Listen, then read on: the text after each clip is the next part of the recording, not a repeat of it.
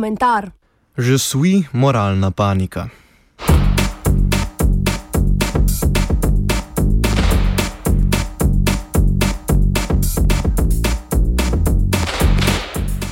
Pariški napad je, vsaj iz zornega kota islamske države, bolj ali manj izreden uspeh. Ne le, da je bil izpeljan sredi evropske begunske krize, temveč je imel takojšen viralen moment na medmrežju, torej do sedaj že poznane mešanice like sočustvovanja in katarze.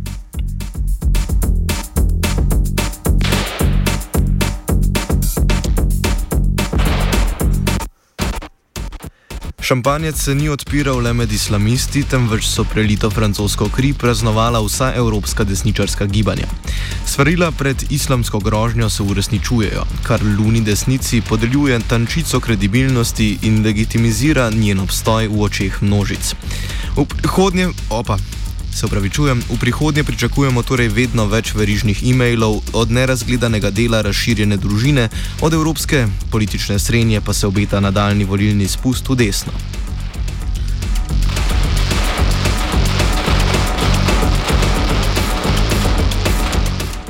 Večjo nevarnost predstavlja nadaljna zaostritev etničnih ločnic, tako na ravni naturaliziranih subkultur, kakor tudi zaradi priliva beguncev in še vedno trajajoče ekonomske krize. V množstvu evropskih držav že več let beležijo vedno več napadov na islamsko skupnost, kar je prvi del začaranega kroga. Bolj kot se bo manjšina počutila ogroženo, večja je verjetnost za njeno radikalizacijo in povračilna dejanja. Znotraj skupi, skupne nam evropske grude so posledično zasejane nevarnosti rasnega in verskega boja, na plečih evropskega duha in zgodovinske izkušnje pa leži odgovornost, da se le to prepreči.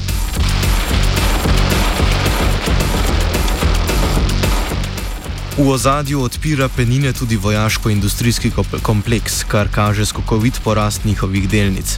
Medtem njihovi aparatčiki znotraj NATO mencajo od navdušenja, saj so tekom enega koledarskega leta našli starega blokovskega sovražnika.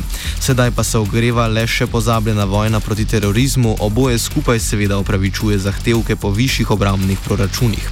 Francija ima prav tako možnost uveljavitve petega člena zavezništva, torej kolektivne obrambe. V dotičnem primeru se bo sicer govorilo o nižjem standardu, saj so Ameri peti člen uveljavljali na več kot 3000 truplih, medtem ko francoske žrtve nanesejo slabi 200 tini. Vendar to ob koncu dneva ni ovira. V vrlih legalističnih krogih NATO se namreč šušlja, da je že ameriški sklic skupinske obrambe leta 2001 zadostna podlaga, da Severnoatlantsko obrambno zavezništvo prične svež vojaški pohod po Bližnjem vzhodu.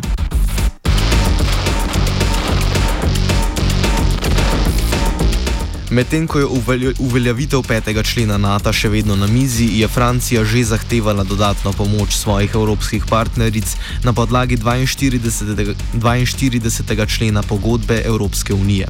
Slednji govori o solidarnosti med članicami EU, kadar je napaden teritorij ene izmed njih.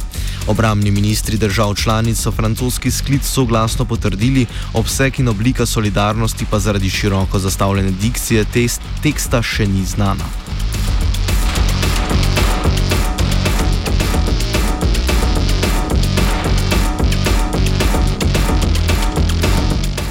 Praznovanje se odvija tudi v industriji obveščevanja in nadzora. Francija je nekaj mesecev po januarskem napadu na Charlie Hebdo sprejela lokalno ustreznico ameriškega patriotskega akta. Na kljub temu se ni preprečilo pariškega napada, obveščevalni lobby pa uspešno suče zgodbo sebi v prid. Govori se o potrebi po razširitvi nadzora na mesto po preupraševanju o uspehih dotičnega nadzora. Pariški napad namreč odraža dejstvo, da kamikaznih terorističnih napadov ni možno preprečiti s kamerami in nadzorom spleta.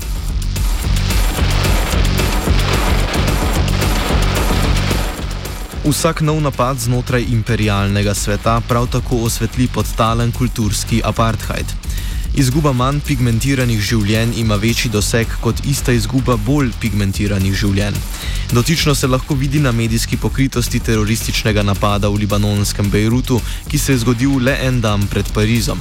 Isto se kaže tudi prek zadnje dekade bližnje vzhodne kalvarije, kjer smo bili nemalo krat priča večji izgubi življenj od Afganistana, Pakistana prek Iraka in Jemna do Sirije ter vseh ostalih bojišč se govori o milijonskih žrtvah. Nažalost lahko šele po terorističnih napadih na tukajšnji zemlji evropski živelj vsaj za trenutek občuti, pred čem begunci iz Bližnjega vzhoda dejansko bežijo.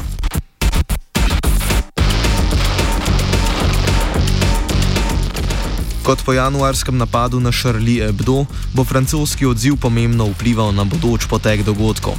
Na eni strani hreščijo vojaška trobila, ki želijo nasilje ustaviti z novim nasiljem. Na drugi strani pa se odpira prilika, ko ima evropska zunanja politika možnost, da najde svojo hrbtenico in poskuša iskreno rešiti situacijo.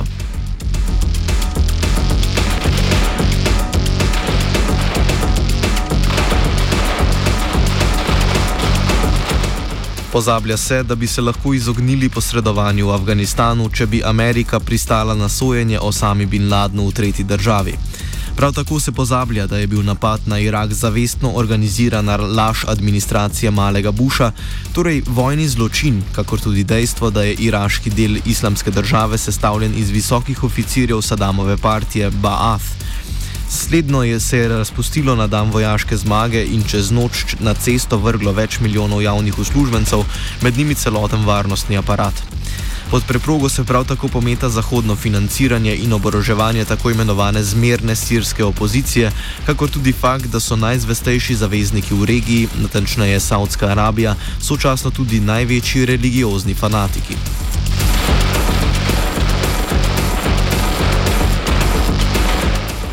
Napad v Parizu je potem takem le žetev semen, ki jih Zahod seje že več kot deset let na širšem področju Bližnjega vzhoda.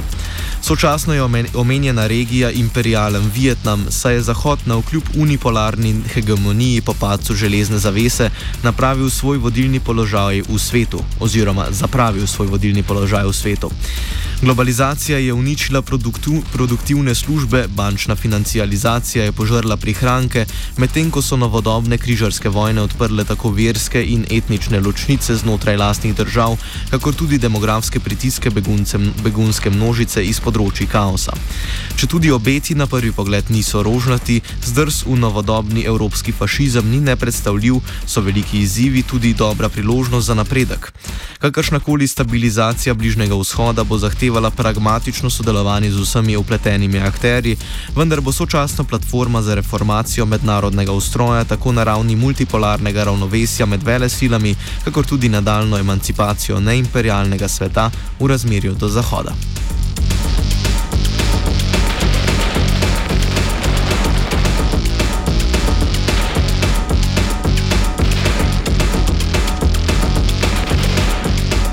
Komentiral je Kožuh.